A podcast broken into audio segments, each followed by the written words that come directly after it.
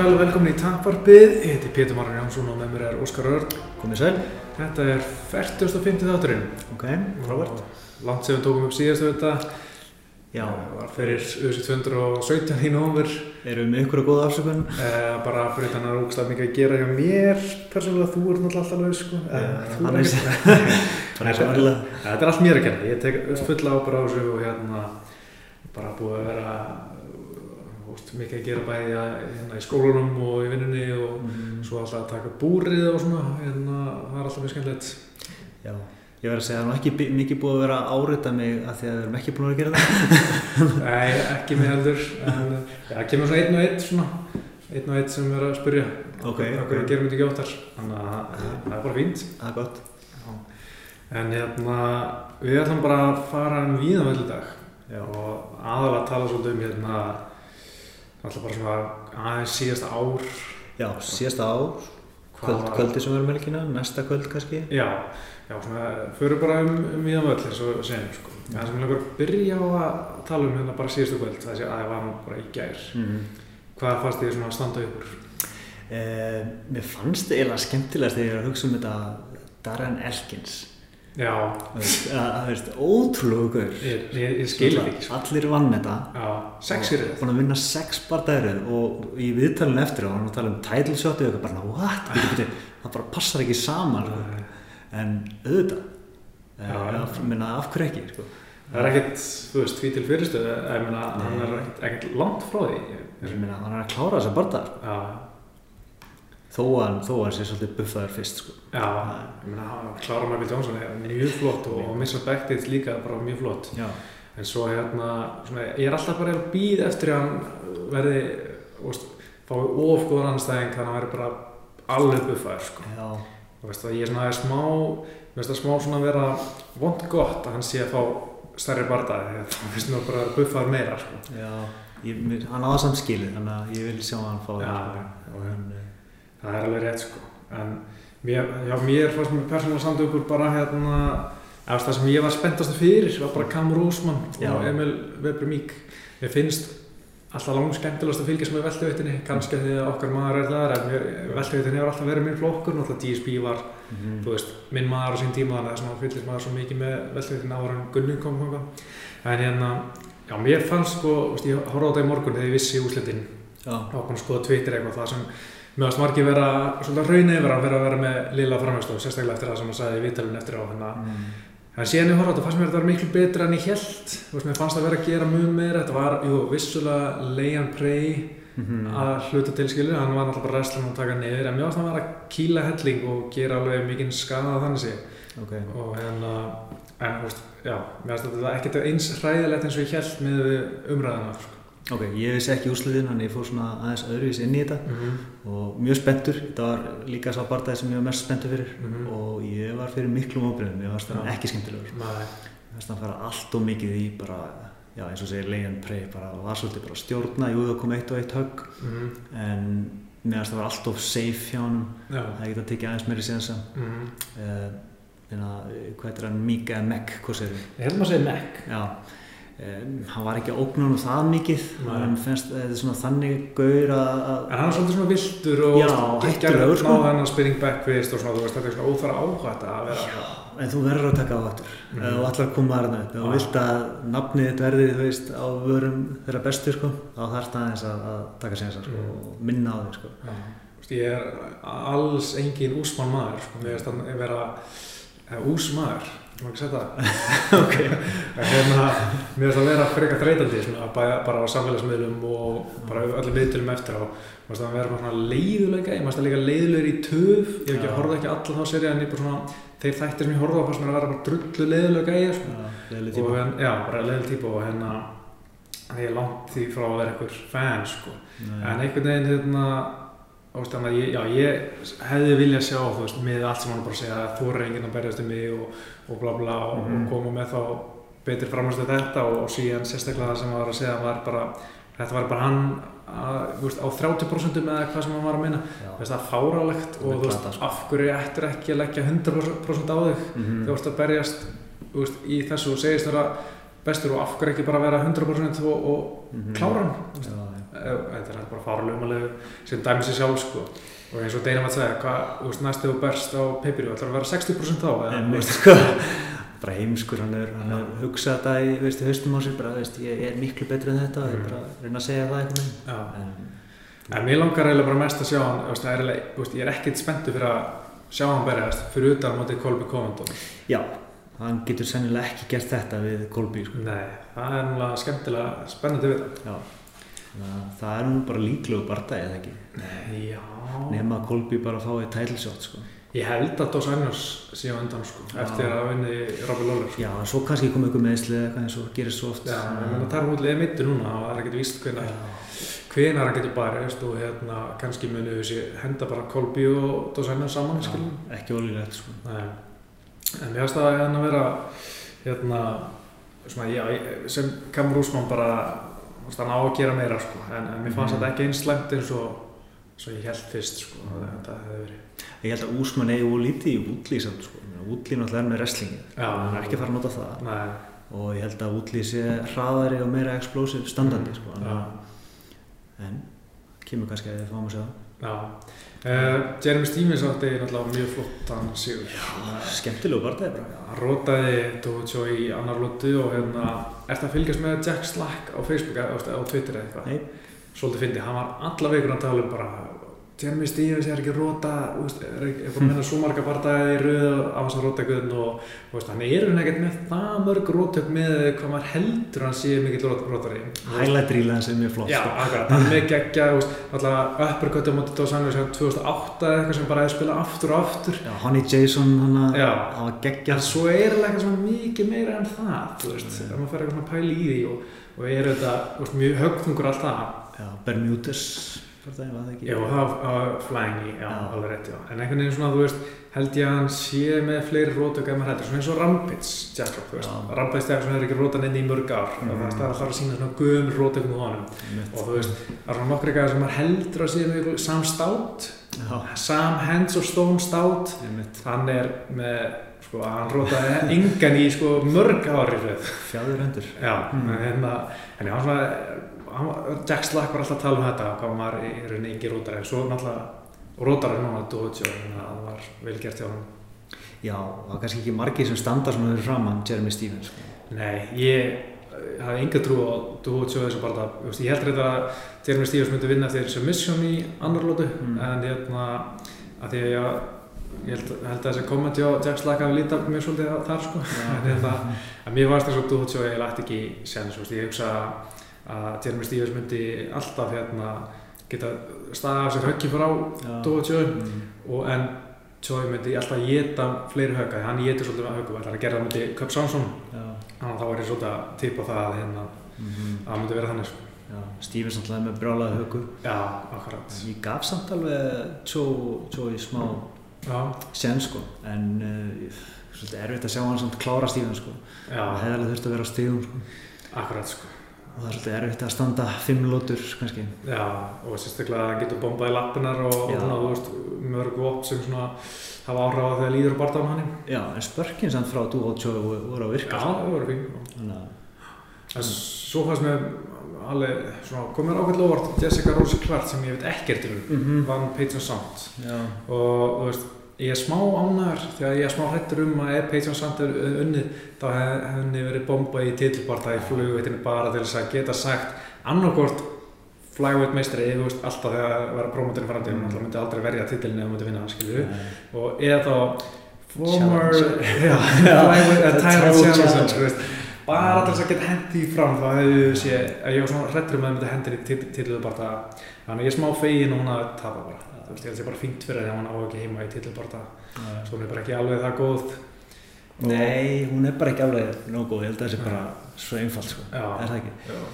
En ég, þetta er reynda bara það sem ég skipaði yfir sko í morgun. Já, ég, ég er svona, já. Þannig að ég veit ekki nákvæmlega hvernig það var sko. En Þetta, mér finnst svona eins og, og núna er hún ekki lengur á tíma Alfa Mail heldur að æfa ekstra í Oregon já, og allan að svona með próma öllu sem auðvitað var að sína af henni þá er hann bara að æfa með, þú veist, einhverju bara litli gimmi í Oregon, þú veist, ég veist að bara ok. hann er ekki með marga stelpur eða heimsklassa þjálfara, ég held að sé svolítið að gera þetta svona því að það er þægilegt. Mm. En þú veist- oft getur það líka verið betra fyrir barndáminn skilur að vera í, á veist, ég stæði að vera einhverju gimmi sem og það bara líður ekki vel þarna eða eitthvað Mm. eins og kannski verið hjá henni tímalóðum Kostur og gallar. Já, svo, Mér, mér fannst það að vera svolítið svona, ég, ég horfði á hana bara svona hálfpartinn með, já, kannski með 70% aðtegli. já, Það var svolítið svona úsmann framist að hjá já, Clark, sko. Svona gerði og lítið, náði að stjórna á gólfinu. En mér fannst þegar, þegar það voru standandi var samt Page að að ná einn höggum, sko. mm, Þannig að það var eiginlega bara svona eiginlega stjórnun á gólfinu sem tók þetta frá Ég horfði á svolítið fyrstu barndana í, í nótt árið fór svo Já, ég það. Ég horfði á hérna það voru mjög skemmtileg barndar sko. bara á svona frá koma alveg þrýri röða þarna sem voru mjög skemmtilegir Ok. okay. fjóri en hérna Kyon Hook Kang tók Gátt og Gunetti með triangle tjók í fyrsta lóti Ok. það var mjög flóti barndar ég mælum með að tjekka því Mm. og hérna Irina Aldeana tók Talito Bernardo og bara pakkaði henni saman standardi það Mm. var bara það var ekki sem að Aldana geti verið einhver, eitthvað nafn í bandafittin sko. en samt verður bara fyrsti sigurinn henn hún er núna 1 sigur og 2 töp í USA Ok. bandafittinni Mm. þannig að ég er svona smá spenntur fyrir henni Ok. og svo var hérna Marco Polo hérna, hann var að róta ekki nættu mínútu. Já, tjekkar að því kannski en hérna, gott nafn. já, förum í hann heitir bara Polo ég bæti við bara, þetta hétir Marco Polo, þetta er ekki en þú veist, núna er komið núna alltaf 2018 það var fyrsta barndökk dagsins. Mm. 2017, bara svona hvernig fannst þér það bara MMA árið? Ég held að það verið svona heildina lítið frekka mikil vonbriði sko. En alltaf fyrri, hvað, fyrstu, hvað, sjö mánuðinir gerist mm. lítið í rauninni og þú veist, ef maður hugsa um hvað stendur upp úr, veist, það er kannski endur koma GSP, mm. Mm. það er svona stærsti viðburðurinn. Já, Uh, mitt uppáhalds á árinu var eiginlega Robert Whittaker Mhm. og sérstaklega Joel Romero bardaginn. já, Það er eiginlega bara uppáhalds bardaginn minn á árinu. mhm, Um, en maður sá kannski þegar við vorum að í veist, hver væri bardagmaður ásins og það. mhm, Það voru rosalega margir með tvo fína sigra. já. Það var eiginlega enginn sem skar sig úr. Nei, ég mæni fyrra voru fjóri sem voru bara, var erfitt að velja milli. Eða 2016 har sér. Já. Þetta var bara hálf svona eitthvað forgettable ár og náttúrulega hlutaði að náttúrulega Conor McGregor Mhm, barðist ekkert í MMA, svona náttúrulega umlött. mhm. Uh, já, ég var eiginlega aldrei vola hrifin að þessu bókstæmi, sko. Nei, nei, en sko, já, lífast þetta ár vera svona uh, misjönd. Það byrjaði. Þú veist, byrjaði, ég held að fyrsta peiprið var UFC 208, Holly Holm og Jeremy Randami á Já. mjög leðilegt kvöld. Mhm. Síðan UFC 209, Khabib, Tony Ferguson dettur út, bara Já. fyrir, þú veist. Já, UFC 210 síðan hérna Daniel Cormier, Anton Johnson, þú veist, Anton Johnson bara mættur hann til að hætta skilur, þú veist, ógeðslega, veist, þetta byrjaði svo lakklöstur einhvern veginn, svona öll stóru kvöldin, sko, maður var einhvern veginn bara svona, come on, þú veist. Já. En svo alltaf annað í fyrra, alltaf John Jones, svona klikkar. Já, en, en, en að svo líka var líka, þú veist, mikið af svona, seg, svona vonbröðum eins og með hérna, þú veist, það var eiginlega næstu tvö kvöldir röð þar sem var hérna Amanda Nunes og Mm. Valentín já, þú veist, það já, upp fyrir bara sama dag. Já. Ray Borg, Demetrius Johnson, það datt upp fyrir daginn fyrir og það frestaði mánuðu, skilur, Mm. var alls konar svona pyrrandi, sko. En, en jú, það kom svona smá lífi í lokið. Alltaf auðvitað 2017 var geggja, veist, John Jones barndaginn, Já. þráttur því að liður bara var frábær, Mhm. bara einn besti barndaginn sem maður sá á árunu. Geggja finish, sko. Já, og þú veist, en svo bara einhvern veginn getur maður ekki tekið með í hann fjall að liða bara einhvern veginn Einmitt. og það mál er ennþá í lausu lofti, sko, það aftur að koma meira, meira til því. Já. Það var allt svona, uh, svona einn stærsta frétt ársins bara Mm. og hérna, 218 mjög gott líka. já, 218 mjög gott og hérna, þú veist, 219 var ekkert geðveitt sko, en veist, mér finnst það svona að byrja frekar illa enda bara svona fínt, þannig að mér finnst það að vera svona, það er alltaf lægi sko, eins og þú veist, kom alltaf svona toppar og, og botnar skilur, ég meina 2016 var geggja og 2015 geðveik ár Mhm. bara í MMA heiminum einhvern veginn. En svo 2017 ekki eins gott, þannig að maður verður bara vonast eftir að 2018 verði verði ná svona fyrir hæðum sko Já. og það byrjar ekki vel fyrst mér. Nei, allavega ekki, nei. En, Sko, það, en nú náttúrulega erum við ennþá í janúar Já. og það er geggja kvöld næstu helgi. Já, en sko hugsaður út í sko samt fyrir utan svona aðalbartana Mm. og, og UFC 221, Já. UFC 221 er bara fight night kvöld með góðu. Já. Það er hörmulegt og ég með bara kvíði fyrir að þeirra tala um túi, túi vasa í búrunu sem er búin með einn barða í þessi eitthvað þú ert að tala um hann í nokkar myndur að því að það er eiginlega basically eitt áhugaverðast að við hérna fyrir auðvitað meiniventi á meinkartum sko. Mark Hunt er hann að skilja á móti Curtis Blades Það er Veitu hvernig Curtis Blades getur stundum verið, getur verið hundleðilegur að það er mjög svona erfiður barndagi sko að peppa eitthvað sko. Þannig að þetta verðist að vera smá erfitt svona byrjun árun og, og líka þú veist, auðvitað að vitt ykkar strax státun út. Auðvitað er ströggluð að finna main event í Orlando veist, og í London. Og með svona þetta er ekki að byrja eins vil eins og ég vonast eftir Nei, fyrir utan alltaf stípi og Engano sem komum kannski að nánar að, að síða sko. En svona við höldum áfram, eða svona klára það ár, þú veist, alltaf með okkar fólk, þú veist, Gunninn alltaf fær geggjan sigur hann á Alan Joban, bara síðan fyrir Bonsinibbi og Mhm. með umdöldum hættu og það hefur alltaf einhvern veginn svona litað síðast ár, Já. þetta upppott og kæran sem var síðan fælt niður og, Mhm. og bara svona leiðindi, þannig að ég hlakka bara til að hann fær vonandi fljótlega að barta Já. og þú veist, bara vona innilega að fá einhvern barda og mér er eiginlega alveg sama hvert ég vil bara fá að barda Mhm. og bara þess að geta ég var að horfa á Gunnar Sparran og bara síðasta fymtudag og hann leit drullu út Ok. hann leit út að vera mjög hungraður bara hann Ok, var að sparra eins og hann vildi keppa sko. Já. og, hann var svona, og þeir sem voru að sparra við hann voru að segja mér að að það var allt öðru sem sparra við núna heldur en fyrir kannski nokkrum viku senna þú veist. Ok. það komið eitthvað svona einhver eldri í hann held ég Já, virtist þér á góðum stað andlega fannst mér í MMA áhör viðtalinu. já, það var skellett þannig að bara klári í slægin sko, bústalega. já, Og bara vonandi að tækja á langa tíma sko. Hlýtur að fá London sko. maður trúir ekki öðru en ég, meina, ég veit ekki hver, eftir hverju þeir eru að býða sko. Nei, mér finnst það bara hálgert diss sko ef, að- að- hann fær ekki þá sko Mm. og, og, er tilbúin og vill, vill þá sko. já, bara að segja það, hann vilji berja þannig ég meina, Darren Till, úst, ok, hann þarf ekki endilega að fá það sko, en ég meina, það er aðri gæði hann eins og Daniel Kim sem er hversi lausir eða Neil Mm. Magni eða einhver gæði fyrir utan top 15 þessum skilja það er, hann hlýtur að geta fengið bara það í landur sko. Af hverju ekki til? Til er ekki búin að vinna það marga, hann getur verið með á kröfur sko. nei, nei, Þó hann takir sér róni, þú veist, mm. þá ertu ennþá ungur og, og svona þarft að aðeins að, að, að sanna þig sko. Fer ekkert strax upp í ykkur top 5 og shot sko. Nei, ég, nei, nei, veit, það er, ég held að USA hafi bara svo marga möguleika með til að þeir eru örugglega bara að hugsa vel næstu skref, sko. Já. Það er bara margir sem til að greina í rauninni. Bara, Kannski eru það að hugsa að þeir vilji, veist, þeir sjá hann sem stjörnu, mm, vilji helst ekki sjá hann tjóka það, Ég ég, veit. ég veit það ekki. Meina, það er einn máli, ég meina, Gunni svona, þú veist, hefur kannski, ekkert unnið uh, þessa stóra barða sem hann fengi, en hann getur alltaf, ef þetta fyrir gólið, þá er alltaf. Hættan til tapi, skiljum, Já. þú veist, þannig að ég held að kannski ekkert, kannski er ekkert brálega spenntir fyrir þessum. Nei. og svo það er ekki oft sem að sér tvo erfugæja á móti erfugæja Nei, og sé- í einhverjum ástæðum það samt Sérst- skrítið sko. já, sérstaklega ekki þú veist, í main event í einhverju London eða eitthvað því mér veist eins og oft er þess að vilji fá Evropu búa á móti einhverjum öðrum, þú veist, til að fá Mm. Evropu saman eða eitthvað, ég veit ekki skilur Ég ætla að geta selt bardaðan, þú veist, þar líka, þú veist, eða eitthvað, Mm. ég veit ekki.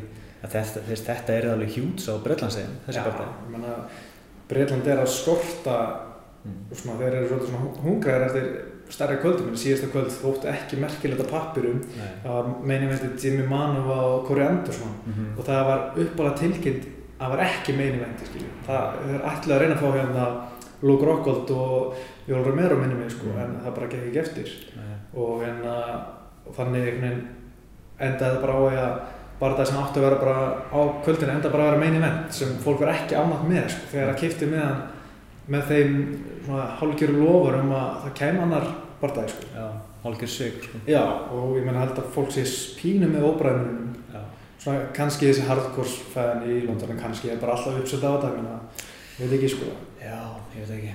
En ef þið komum með þetta og Vítor og, og Bisping, þá var það nú bara það er helviti bara gott, sko. mjög flott sko Mm. og fyrir er nú alveg ágættir bara dagur minni með sko Nei, herri, ég er að hugsa um að var talað um Anthony Pettis á kvöldinni, hann verður ekki Nei, ok, bústafistan var ekki. uh, bara svona einhver blaðan var talað um að hann verður ekki þannig að maður er bara svona við nýjustu fregnir Já. En svo líka með, átt að Sunnum náttúrulega mjög gott ár, Já. frábært að komast í 2-0 í einu vikta Mhm. og, og þó að vera eitthvað einhver smá byggð þá til hún fer aftur í búrið núna þá er það bara flott áhrif henni í fyrra Já, algjörlega.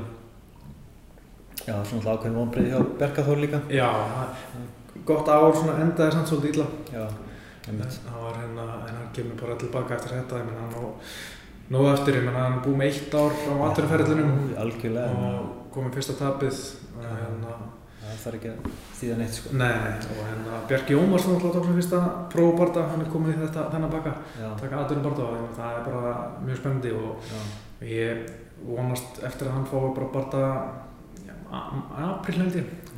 Það sé að vera að horfa á það eitthvað með Fightstar sko, þá er næsta kart hjá þeim. já. Þannig að það væri mjög fínt að, að taka svona kvöld þar sem fleiri íslendikar berjast sko. Mér varst eiginlega vestaði Bergaþór var að ég var eiginlega að vona að hann er fyrsti gaurinn frá Íslandi í Ultimate Fighter. Og ég er svona hálgjörur Ultimate Fighter nörd, sko. En, það hefur verið mjög skemmtilegt. já, af því að þeir eru núna að fara með kvöld, sko. Eða Já. þess að keppni. Ósegraði ekki? Jú, já, bara ósýðræðir hefur gjaldgengir, þannig að það hefði hann verið alveg bara fullkomin í það, sko. Það hefur verið mjög skemmtilegt og hann er líka, ég veit að hann getur alveg að spila leikinn og verið, verið skemmtilegur í sjónarbyggur sko, eins og bara, þú veist, viðtal sem ég tók við hann að leiðina búin þar sem hann er í leiðirekkanum með belti og segist hann að belti hafði ekkert breytt mér og ja, mjög skemmtilegt. Það var algjörlega hans hugmynd bara, hann bara Já. kom með þetta, var bara skemmtilegt sko. Mm Uh, já, svo náttúrulega, þú veist, John Jones fyrir að Já. það var svolítið stórt og náttúrulega flóit með að komnabarta, það var svona stóð upp úr og verið skrítið. En þá því að horfa á þetta í dag, Mm. á hvað sem er ótrúlega að þetta hafi gerst, sko. Þú veist, ég horfa á svona Já, brot úr blaðmannafindurum. þetta er surreal, sko. Já, þetta er bara hálf stúpitt að horfa á þetta, ekkert sens, sko. Ótrúlega skrítið. Og ég meina, er eitthvað líkur á að þetta gerist aftur? Nei, guðmur, please. Er þetta ekki bara búið, sko? Og ég held að Conor vilja af því að þetta kann alltaf í aðra hund og hann vil alltaf fá hérna hefna sín eða eitthvað en ég held að áhuginn sé bara 5% með við síðast sko. Já, ég get ekki selt þetta aftur og Nei. eins, sko. nei, nei, þetta var all einhvern veginn bara að ég veit ekki, þetta var bara kjálmætt Já, og, ég meina, já, og maður tók alveg þátt í þessu skilur með því að skrifa um þetta allt og já, hérna, fjallum þetta í búrunu og Mhm. í tapparpinu og reyna að gera þetta svona aðdurmarslega en mhm, þetta var nú allt svona já, hálf innantónt en samt var þetta nú alltaf lægi í bardagi Framan af allavega, ma- þetta var betra en maður bjóst við sko. já, en Conor samt, hann er bara ekki elítuboksar. Nei. Það er bara svolítið, veist, það, er bara, stigsmunur, sko. maður bara getur ekki beðið eftir að hann bara drullast aftur til að berjast í MMA og ég er ekki björnsinn að það verði eitthvað fljóðlega sko. ég, meina, ég var vonast þetta í mars. Veist að það var ásættilega frí. Ég meina hann eignaði Mhm. spann í ég meina ekki marsi fyrir eða eitthvað. Tekur svo smá frí fyrir bóks mhm, og, veist, og hvað er hann að gera núna? Af hverju er hann ekki að berast? Hann er hann, Já. barnið hans er orðið alveg eins og skamalt eða næstu. mhm. Það er engin ástæð fyrir að hann er ekki að berast fyrir þetta, hann er bara að chilla. Njóta og lífsins. Það er alltaf góða lagi. Já. Að þú getur ekki gert það úr því mistar, þú verður að fara að koma bara, Þá ætlaði að koma og Veist- segja bara, hei, ég ætla að taka mig tekja ára pásu, Já. taki beltið að mér, ég en þeir verða hans að strippa núna, ég hljóta að gera, sko, Deina var þetta á síðast að segja gær að, að komnar að tala um að vilja berast í september. já, Já, getur bara tekið þetta belti og taka bara, gefið Tóni það bara og láta Tóni og gegja það bara það, sko. Já, það tala um að það verði mögulega í april. Já, Það var svona nýjasta slúrið. mm, það er bara mjög flott sko og Já. hérna, það er bara krossleiku fingur, já, þetta, er- þetta er samt svo geggja en samt svo í John Kavanagh John Kavanagh var svolítið fyndin svona trollari Mm. hann var að setja Instagram story þar sem hann var að horfa á svona, og stóða eitthvað svona ég manna ekki, eitthvað research eða eitthvað Mm. það er svona, og svo er að tala um hérna að UFC sé að bóka hérna fyrsta sinn UFC í Rúslandi í september Ok, þannig að það er svo langu tími. ég veit að það er alltaf langt okkur til sko En hann gæti alveg tekið í, í mars-april og, og svo aftur. Já, hann ætti að gera það en hann ætlar að halda þessu belti. Já, ég held að hann, hann vilji sjálfur ekkert býða, hann er loksins orðin heilbriður, Já. Khabib þar segja. Já, Khabib, já, Já. Nei, Khabib minn ekki vilja býða, sko. Hann var að tala um, hann vil, sko, ef Tony og Conor eiga að mætast, Mm. þá vil Khabib fá Eddie Alvarez Mm. í stað þess að býða, sko. Ég meina, segjum bara að Ferguson og Khabib berist í april Mhm. og sama hvað gerist þá þú veist, verður Khabib á öndukartinu á, á, þú veist, í Rúsland í september. Þannig að það myndi selja. sama, sama hvað sko Selja meini vend sko ég segi það sko Mm. Þannig að whatever, bara drífi í þessum Khabib Já. Ferguson barða sko. ekki er það góðu bardamann, það er bara algjör sóun að þeir bara býða eftir einhverjum gæja sko. þeir báðir í prime alveg sko Ég er svona eiginlega hálfpart búinn að gefa upp vonuna á að Conor sé verið að berast á næstunni. Mhm. Þannig ég er bara, mér langar mest að sjá Khabib og Tony Ferguson. Mér langar bara að vera að sjá það í og hérna, ég er eiginlega svipað sko, þú veist bara, ef þú ert ekki í ringiðinni, veist, þá bara nenni ég svona hugsa um þér. nei, Það er eins og John Jones eða GSP eða ég er ekki svona pæli í veist, þeir bara, þeir eru ekki með, sko. já, það er alveg rétt sko. Það er líka einhvern veginn með, með veist, allt þetta Instagram og samfélagsmiðlega dóti á Conor, þetta er bara Mm. þreytt. Er bara að posta myndum á sér eitthvað með Floyd eitthvað svona sem hann lítur út í aðsnalega stöðu og segir eitthvað, eitthvað nuts dæmi ég nenni þessu ekkert drullast er bara til þess að berja og ekki vera að rífast, rífa Mm. kjátt Floyd á samfélagsmiðlum, hann buffaði síðast Já, í bóksi Nákvæmlega. nú ertu bara að mæta aftur á þinn heimaðall Mhm. og sína úr hverju verð gerður bara. minna okkur á af hverju, þú veist, svo Mhm. margir halda með þér af hverju ert svona stór. Þú veist, hann gæti alveg hægt á morgun og Mhm. það var bara fínt þá, þarf maður ekkert að spá í hann meira Mhm. og þurfum ekkert að vera að spá í hvað er og bla bla Mhm.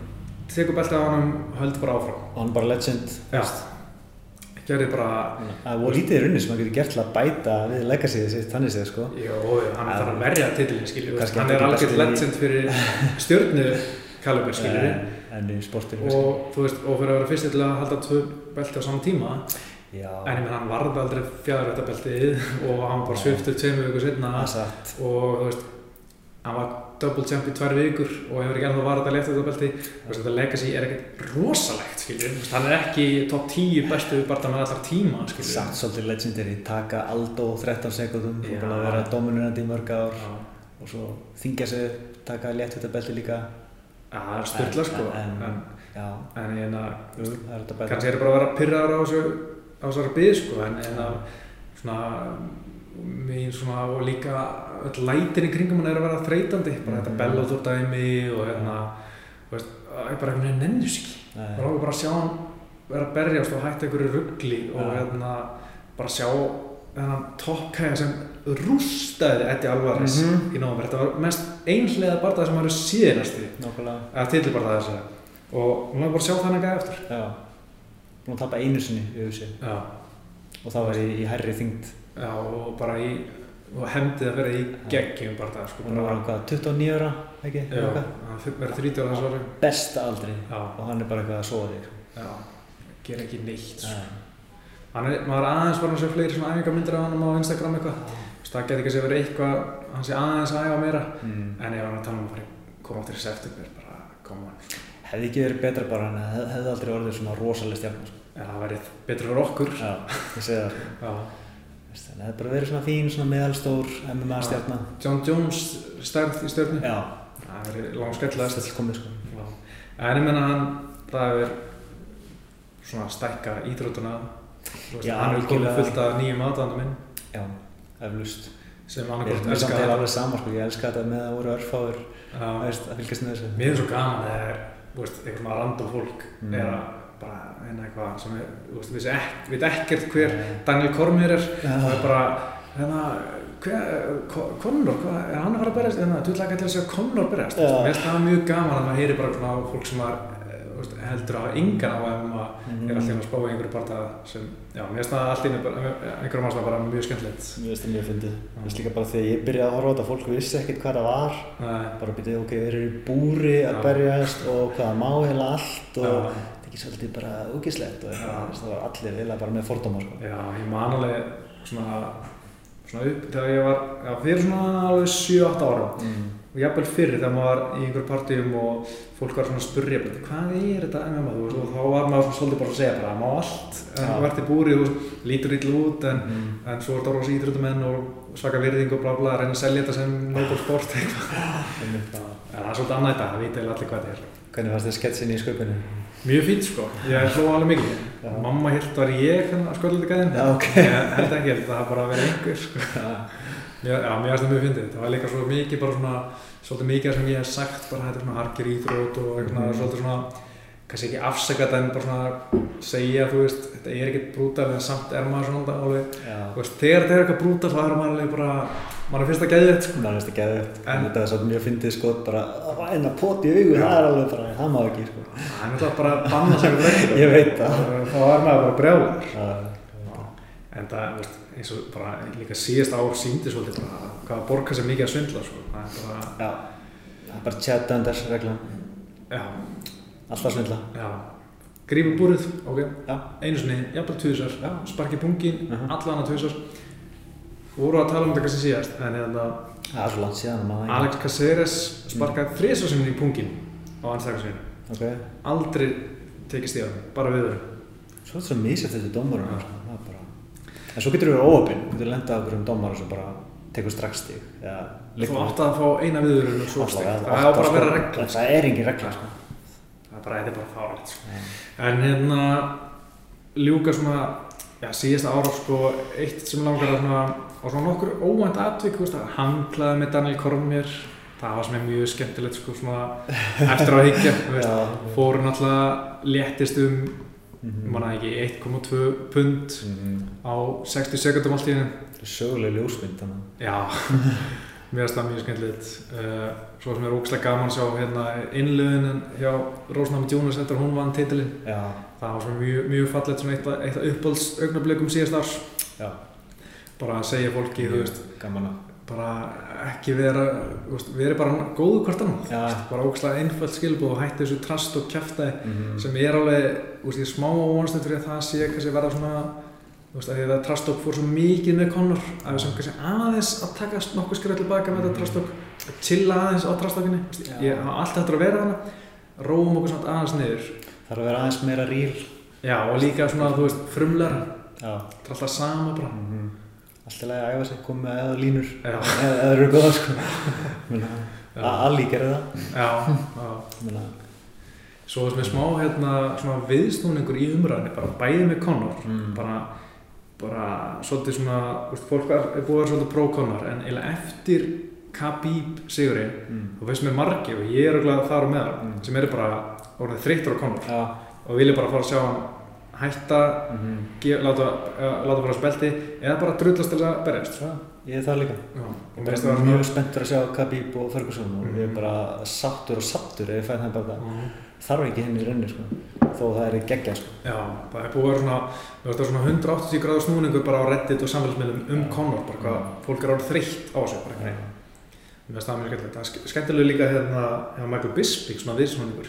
Óvinsalisti meistari allra tíma, en síðan eftir að hann rótar á þetta kjælum gastunum, þá svona finnur maður svo mikið til með hann. Maður bara svona, æ, greið, greið kallinn, það tapa tveimur partinn og röðu, rótar og svæfur þar undan já, og svona, veist, maður svona heldur, veist, ég ætti að halda með hann mörgulega í næsta barða, sko. Mm, það er okkur rosa benni, hann alltaf á móti vítur líka sko.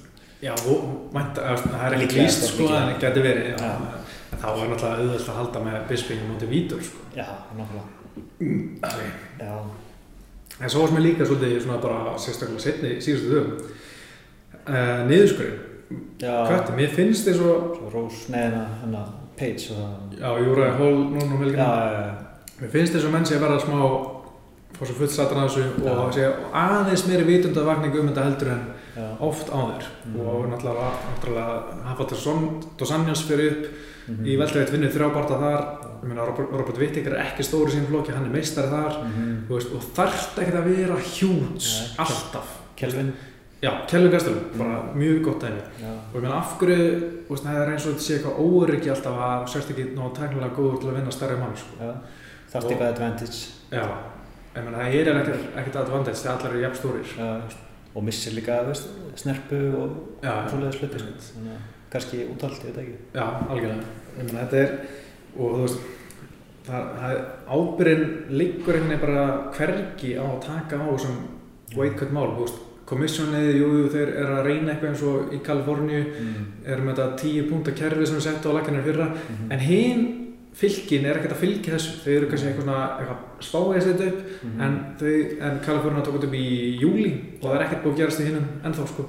Verður ekki bara UFC sjálft að taka skarið og Jú, setja reglur? meina, þeir verða svolítið, mér finnst þetta regla hjá hérna Sísak að þú ert viktar kennistag og það er 10% yfir þá er þér svona ráðlagt að fara upp í næsta flokk mm. Ef UFC myndi bara taka þarna og segja bara ef þú ert 10% yfir þá verður að fara upp í næsta flokk Já.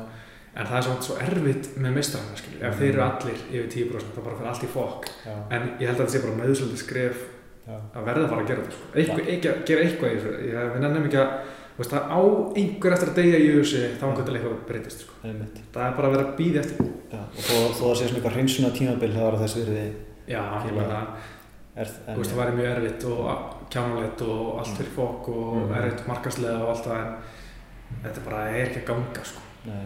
Er þá leiðin heldur að fylgast með þingdaflokkum eins og við erum að tala um? sko, mér finnst allt í lagi í þú veist, veltvikt Mhm. og Svo langt á milli, milli. Já, 15 þú veist, pund sko. Vera frá 100 og 155 upp í Já. 170 er of mikið. Það er hægt að hafa 175 Já. og svo 175 að að það eru svo margir ógæslega góður í veldivitt og veist, Það eru líka bara margir kallmenn, venjulegi kallmenn, þetta er svona mjög algeng þyngd að vera á þessu róli, sko.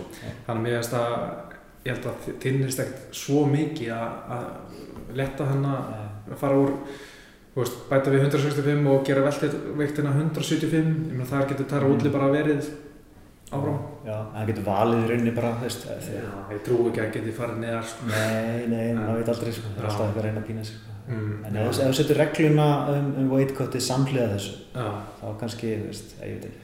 Já svo, en svo aftur á móti ef þú myndir setja 195 pundaflokk á milli, Já. millivitt og lightheavy það var mjög þunnskipa flokkur því að Mm. bæði middleweight, middleweight og hérna lightheavy er, er báðar svona frekar þunnskipar ég meina middleweight er mjög top heavy en fyrir utan það er ekki mikið að gerast sko.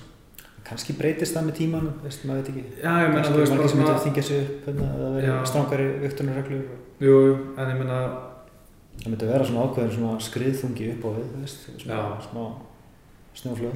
Já, En, en bara svona, ég held að sé bara ekki nógu margir veist, í léttungaveikt og middleweight nú þegar sem geta eitthvað sko veist, þannig að Ekki það, að var horfa á þetta í þrý dag, sem var sko. svona þunnskipaðir flokkar sko. ég samt skil ekki alveg UFC af hverju viljið dekka því, þú veist, fleiri belti, Mhm. það, með það er það sem en þið það er alltaf að tala um skilur að það verður eins og boxer svona þunnskipað og, og ógeðslega margir meistarar en, En það, það eru mörg belti í hverjum flokki, Já, þú veist. Þannig er bara eitt belti í hverjum flokki og við segjum bara, ok, hættum bara við þetta interim kjáftæði, Mm. en bara fleiri alvöru belti og þá er þetta bara fínt. já, Mér finnst vandamálið vera þetta interim dæmi, þú ert með fleiri en eitt belti í hverjum flokki, já, þá er þetta rugglislega, sko. Annars er þetta ekkert. eins og middleweight núna. Robert Whittaker ný sko. búið, að gera hann að alvöru meistarann Já. svo bara meðist hann þú veist að ég veit ekki veist, mér finnst og er hægt að bara að, í staðan að kalla þetta interim titil Mm. að kalla þetta bara bara official one. nummer eitt eða eitthvað þú veist, og það er ekkert belti það er bara, þú ert bara official það er bara svona í gildu letri einhver stað, bara Mhm. skjálfestu staðfest að hann sé áskorti nummer eitt sama hva, hversu mikið hinn talar einhver trastóki, Mhm. Það er þessi áskorti nummer eitt. Svo getur lendið því að interim meistarið meiðist. Já, hann heldur á interim beltinu í hálft ára eða eitthvað meðan er einhver annar sem skorar á mistaran já, og, og, Það og, allt verður breytt þegar hann kemur tilbaka og þetta verður tóm steipa sko. já, ég veit ekki þetta er en muna heldur að Luke hefði ekki tekið bardaðan ef að þú Ef það var ekki titill? já, það eða, gæti vel verið sko. Já, ég meina, ef það er ekki eða Romero. Já, kannski að það er ekki, þú veist, að, ég veit ekki, að einan ekki að spá þessum eitthvað til. Þetta er Þetta bara, svolítið- að tala um þetta í mörg Já, ár. þetta er byrjandi, sko. Já. Tölum að segja að mjög sér 220 núna. já, geðsjúkt allavega fyrstu tveir, efstu tveir Sko, ég, náttúrulega, þetta er skemmtilegt kart alveg alltaf, sko, en, Já. þú veist, síðustu tveir barðarnir er alveg svo lang ábyrðabæstir, svo kemur hérna, top heavy card já, Thomas Almeida og Rob Font, það verður mjög fljóta Sean Velandi og Fransimar Barroso. Já. Guð minn góður, það er svo frekar slátt sko. Sjávalandi er búin að tapa tveimur röð Mhm. Frasimar Bar Barroso, hann er aldrei unni hann all- unni alla barndana sína á Decision Mhm. hann er bara, það er alltaf eins og hann viti ekkert hvað hann er að gera það er best hann pyrrar mig ótrúlega mikið, það er ekkert svona fight IQ í gangi, ekkert gameplan hann er bara að gera eitthvað og hann er svartbelt í útsu sem bara svona Já. já, hann pyrrar mig nota- svo mikið ég held að þessi gæði sem eru bara svona miklu betur á æfingum heldur en í keppni þú veist, svona þannig típa einhvern veginn. Og sjáum við landi bara veist, hann er góður íðutumæður hann er með gott kamp, hann er alltaf æfð með Chris Weidmann samt er hann bara með eitthvað gufu í haustum á sér eitthvað því hann er alltaf einhvern veginn endur á að tapa Já, hann er svolítið svona meathead. Já, vítið, já. en já, hann er samt bara svona average fighter sko. Algjörlega, og ef hann var ekki light heavyweight var hann lungu þessu. Já, og vinskapurinn við Whiteman er alltaf að hjálpa sko. Já, en hann hefur samt verið í skemmtilegum svona slugfest bardöðum sko já, kemur einn og eitt sko, en, en svo kemur einn og eitt sem er bara fokkleilugur sko. Já, þetta gæti alveg orðið slugfest sko Já, já, kannski er ég svolítið að gaggrína bara, það, þú veist, ég er að reyna að finna eitthvað efni um, um þá sko, til þess að nota í þættinum búrinu Já. og ég er bara í, veit ég er bara í vesinni sko. Vertu bara reynskilin Já, ég, ég er að finna eitthvað svona highlights með Barroso og það er bara hann að láta buffa sig Já, og hann, ég veit ekki, ég, ég er bara, já, ég var bara hinskilin. Svo er Calvin Kattar og Shane Burgos, Mm. veistu hvað þetta er? Nei. Ekki ég, ég eru. kannast samt við Burgos nafni sko Og þetta er ekki einhver styrlu prospekt. Ekki, þú veist, eins og Thomas Almeida, var. mm. Þú veist, það hefur alveg hægt að nota kannski Dustin Ortiz sem er flæfið þarna. Já, Jafnvel Islam Makachev Mhm. sem er skemmtilega, hann er fyrsti barndan og Gleison Tipo. já Það hefði verið kannski aðeins Já, áhugaverið betra. til barndagi. Mhm. Og hérna Abdul Razak Al-Hassan og hérna Sabat Homasi voru að berast á prelims. Þeir vilja samt alltaf hafa eitthvað smá nöfn á prelims finnst Já, en, en Sabat Homasi er ekki nafn, sko. En það Nei, er, að því þetta verður svo skemmtilega Típa barndagi, og sko. þetta Já, Já, þú- já, ég skilja um með típa sko, en eins og Sabo Homasi og hérna þessi Razan, Al-Hassan, sástu fyrir bara það? nei. Hann, hann var slöggfest, hann til að enda með svona early stoppage, þannig að það er bara endur tökut aftur. Þetta verður bara nákvæmlega, þetta verður bara svona skemmtileg slöggfest. Mm. Okkur ekki henda þess á vingart, Já. skilja, þú veist. En ok, ég er bara að þessu að því ég þarf að vera að horfa á leiðilega barða með Sean Vellanti í staðan fyrir að vera að horfa á hérna, Sko. þú veist, Sabo Homasi. 99% af fólki er bara að fara að horfa á svo tvo Já, eða, þú veist, þeir- þeir eru að horfa á vingartið, sko. Já, það hefur það í bakgrunni, þú veist, Já. það er, er örgulega að drekka bjór með ykkur með öðrum eða eitthvað Já, og- já.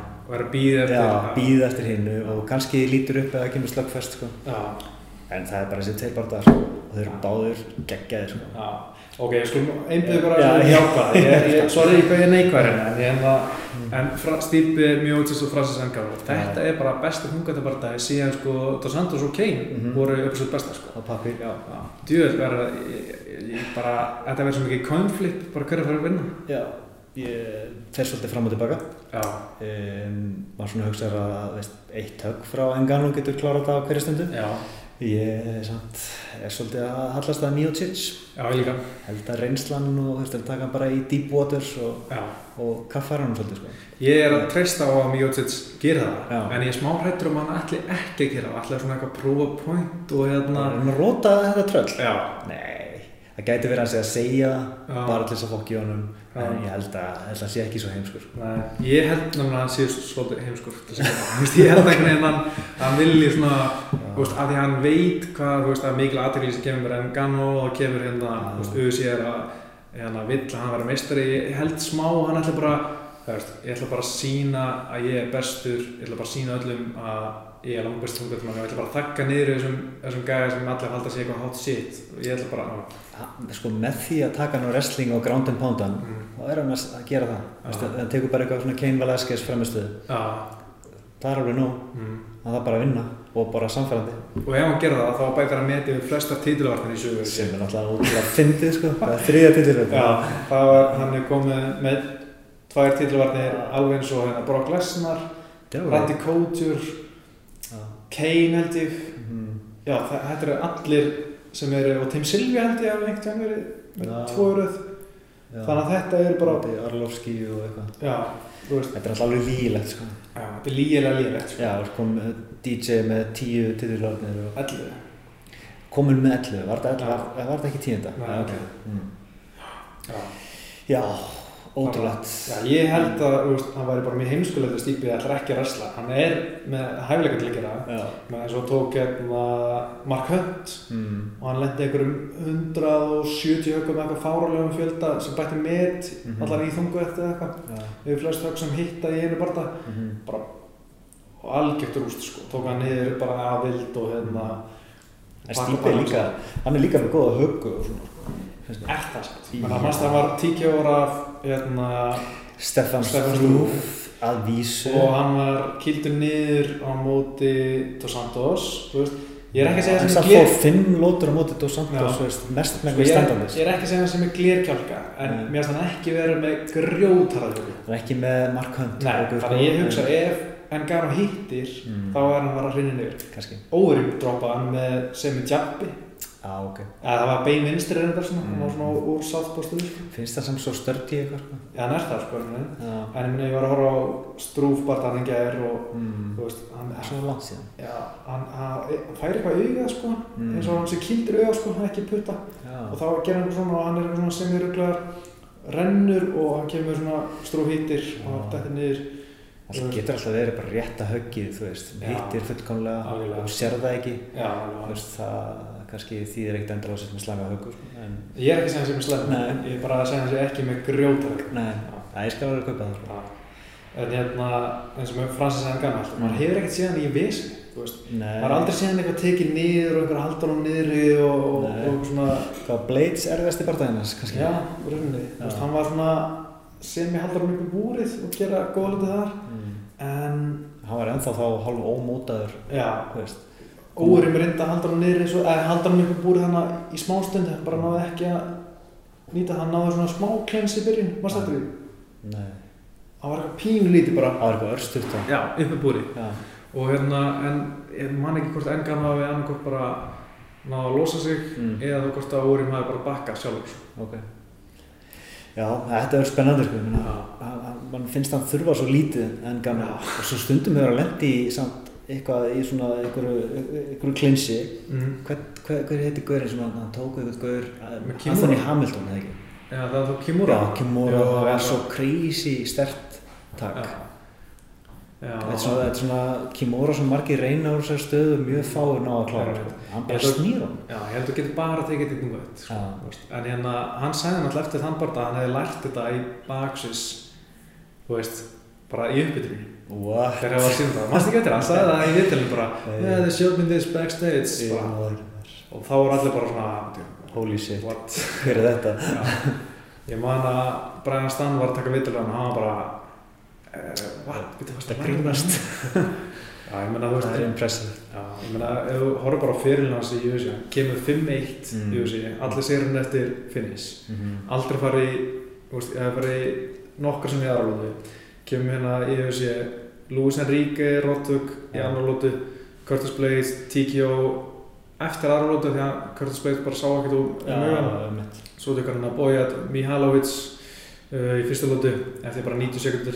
Já. Anthony Hamilton submission, Mhm. Andra Lovski eftir 90 sekundur. Mhm. Alistair Overeem eftir 70 sekundur Mhm. þetta er ruggla bara Og UFC þarf svona stjórnir. Sko. já, þeir eru líka, finnst að fyndi eins og Stýpar segja bara, auðvitað vill að Fransas vinni Það er bara svo leiðis. já, Auðvitað. það Hann yrði miklu stærri stjarnar en Stípe getur nokkuð tíma náður. Stýpi er líka ég er ekki að segja þess að leiðilur en hann segir ekki neitt hann var í tvo tíma hjá Joe Rogan Mm.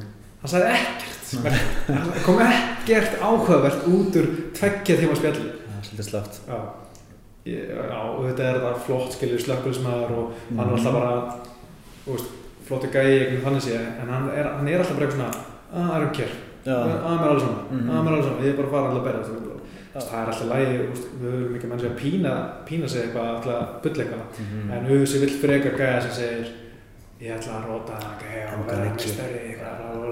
Hann er hættu við mig og eitthvað, þú veist Já, það er svolítið kryptik og svona ógnandi. já, það er bara skemmtilegt sko. það er, eins og segja, það er erfitt að pína sig í það, sko. Já. Það ert ekki típan og, og er það er svo öðvöld að sjá í gegnum það ef þú ert að þvinga það, sko. þannig ég er bara ánæðar að stýpi sig ekkert að reyna sko. Já. en stundum finnst maður að hann mætti sleppa ég að segja mér alveg sama Já.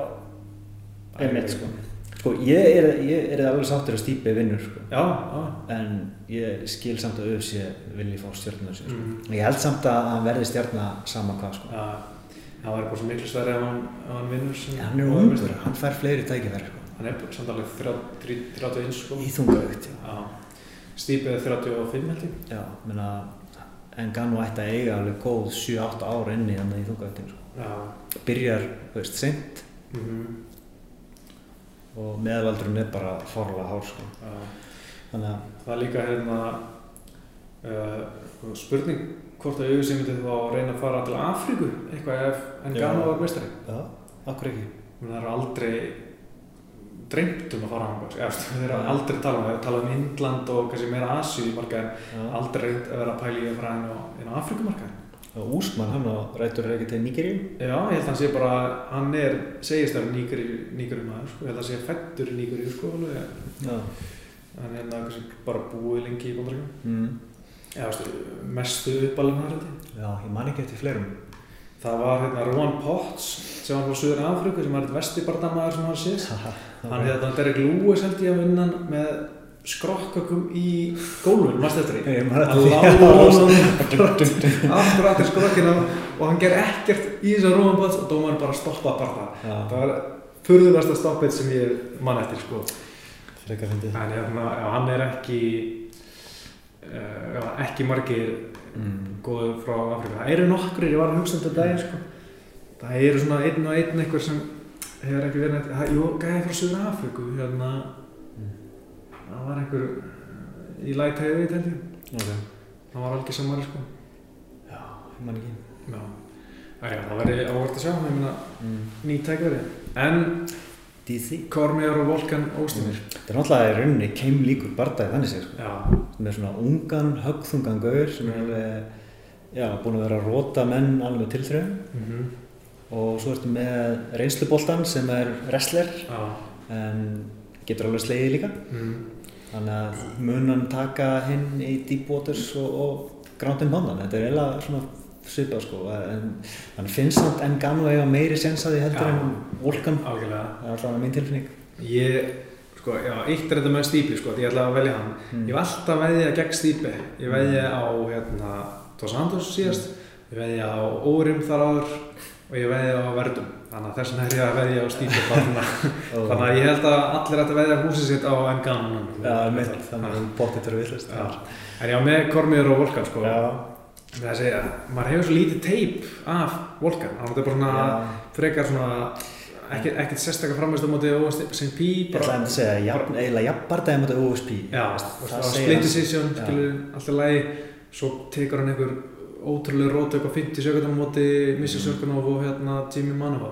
maður sér það ekki gerast á mútið DC Nei, en samt, og horfur á þessu rótök, þetta er ekki úr distance, þetta er úr einhver svona klinsi. ég veit það Ég meina, það er alveg fýtt sens að gera það á móti Kormur, já, þú veist, hann fær tækifæri til þess að gera þetta, já, en Kormur er alltaf miklu tæknulega betri í klinsinu heldur en, Mm. heldur en Jimmy Manova, sko. mhm. Og hann er ekki að fara að hlaupa að hann eins og Missy gerði.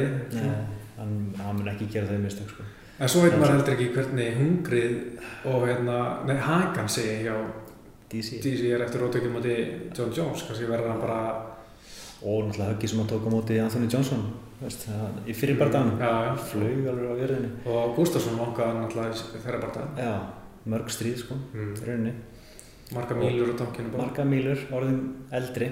Færtur, held ég. Já, Mm.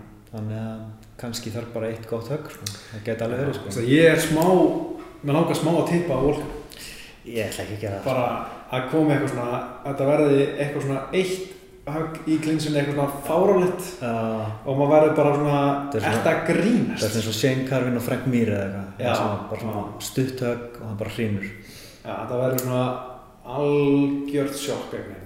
gæti verið, ég, mér finnst vera hverfandi líkur á því, ég held að vera bara classic DC Mm.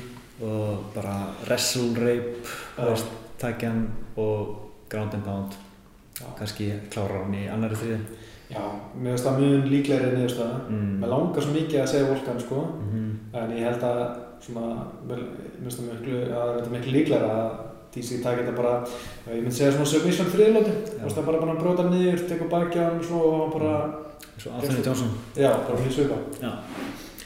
já, ef að það gerist heldur að DC fari í þungaugt það er eitthvað búið að vera að tala um. Já, ekki ef Engano verið mestari nei, já, hann var einmitt að tala um þetta bara fyrir framan enn gana, já, á blagamannafundunum hérna. Hann var eitthvað, hann var spurður út í þetta og hann sagði, ert það grínast, það verður að gæja? Já, Það var bara basically svarað, svolítið. ef það verið Stipe og DC þá það verið. Mm, já, ég held að ég myndi svona pikka DC, nei hérna Stípi. já, öruglega Já, ég man ekki eftir að sé það samt standa hlið við hlið sko. Er, hann, er hann það miklu stærri það DC náttúrulega er mjög lág sem sko. Akkurat sko. Ég held að DC myndi bara fara aftur í Gustafsson sko. ef hann vinnur svo svo. Já, ég meina, flottu barndagi. Já, en eftir það er þetta bara búið sko. Það er ekkert nei. Ekki nema náttúrulega ákveðin einstaklingur snúa aftur. Já, það ég veit ekki hvernig hann ætti að komast upp með að fá minna en tveggjara bann sko. En frá hvaða tímapunkti tekur það gildi? frá, þú veist Brotið frá mælingunni? Já. Já. Og það er náttúrulega komin að sér langt mm núna, en það er samt alveg þá inn í 2020, það 19 er lók 2019. ef hann fær tveggjara bann skilur Já. það var um, júli 2019 Já, það er fyrsta ágúst skilur Heimitt. Já. Já, það var, ég veit ekki, ég nenni ekki að þóra ekkert að spá í því, þóra heldur ekki að segja að hann er potið upp á langt band því að maður veit aldrei einhvern veginn ennþá, ennþá hvað mun gerast og ég er heldur ekkert að búast við það sé á leiðinni, þannig ég er svona eiginlega out of sight, out of mind Já, bara. er bara bónus hér inni Já, um að færa hann sko. akkurat, samt tristir maður hann bara alls ekki Nei. til þess að gera náttúrulega skapalug Nei. í þessari íþrótt, sko. Ef hann kemur aftur það væri gaman að sjá hann fara bara beintið þangað upp.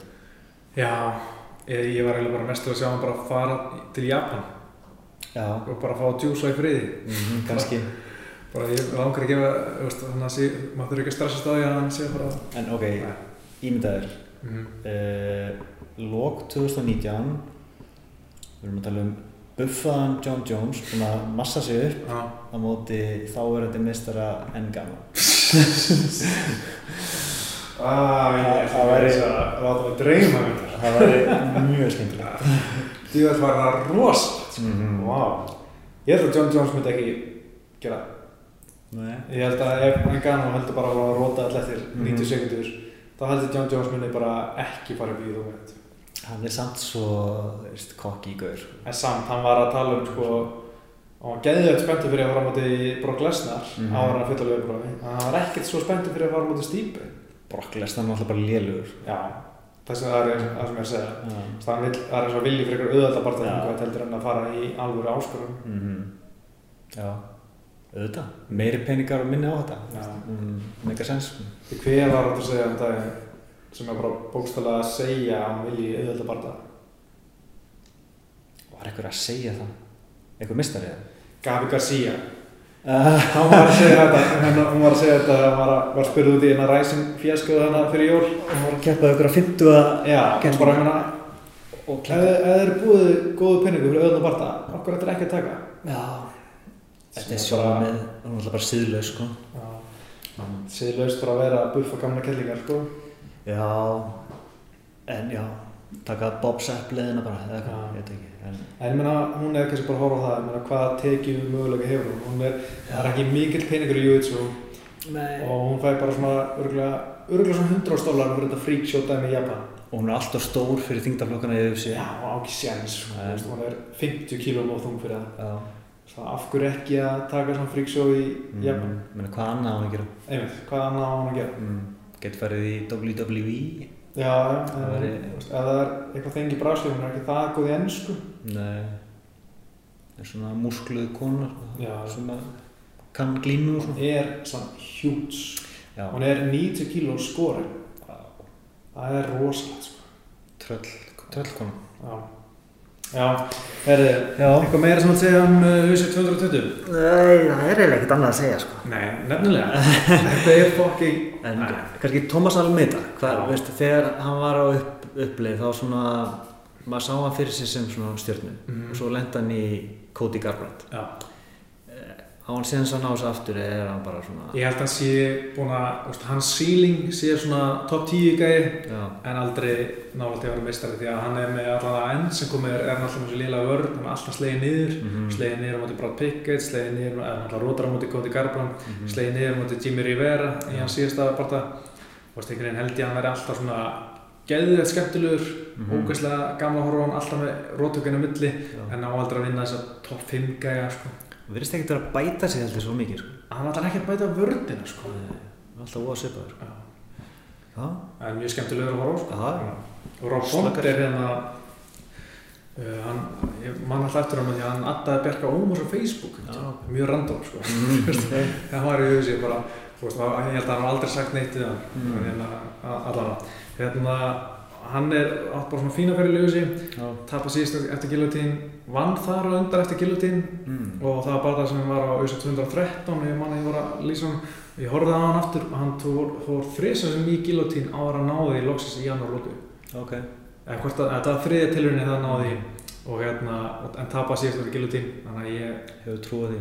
ég langar að sjá hversu oft hann mun fara giljotín núna og hérna það var með þetta Taland um Guillotine, uh, Brian Ortega. Já, Það var svakalegt. hann var reitt af bestu submission Já. ásins Tæknilega ógeðslega flott. skilji hann að geta hangið svona Nei. Það var spennandi að sjá. Uh, hann fyrir þá vantilega í hvað, Max Holloway eftir Frankie Edgar barðan? Nei, nei, ég held að hann þurfi einni viðbútt sko. Já, Mér- kannski. Mér finnst það sko. Kannski. Ég veit svo mikið alveg hver þetta vera. Ricardo Lamas tapaði náttúrulega fyrir hann Josh Emmett sem var mjög óvænt og ég veit, mér finnst Josh Emmett ekki vera svona, uh, ég finnst að Sigur en það er þetta ekkert endilega á titilborta en kannski Jeremy Stevens núna. Ég held að Emmett hafi verið að rífa kæft og byggja um Ortega barðan. Já, Já. Hann skust upp í bara nummer 8 Mhm. á listan já. sem er svolítið svona, veist, ferð úr því að vera órankaður í 8. Það var bara þegar hann vann gæða þegar hann var með fjögur. Já, Emmett, Emmett. Ja, þetta er bara hann. Þetta er svolítið svona geimið bara. Mm. Já. Uh, ég fór að æfingu. Ég, ég veit ekki, ég er með dótið en ég er eitthvað hálf lúin. Lítið tímir eitthvað. ég ætla að fara að æfingu. Ég ætla að læra að Já, og, ég, mynd, ég fíla ekki alveg expert, ég, ég, ég veit aldrei hvað ég er að gera sko, ég er alltaf eitthvað. Þess vegna mætur og læra. Já, en ég er aldrei að fara að nota það. Það er mjög auðvitað að þetta Maður, er, er með niðri eitthvað með flækjufót um, mittið á... það er bara að draga niður þig. Já, sko. ég veit aldrei hvað ég er að gera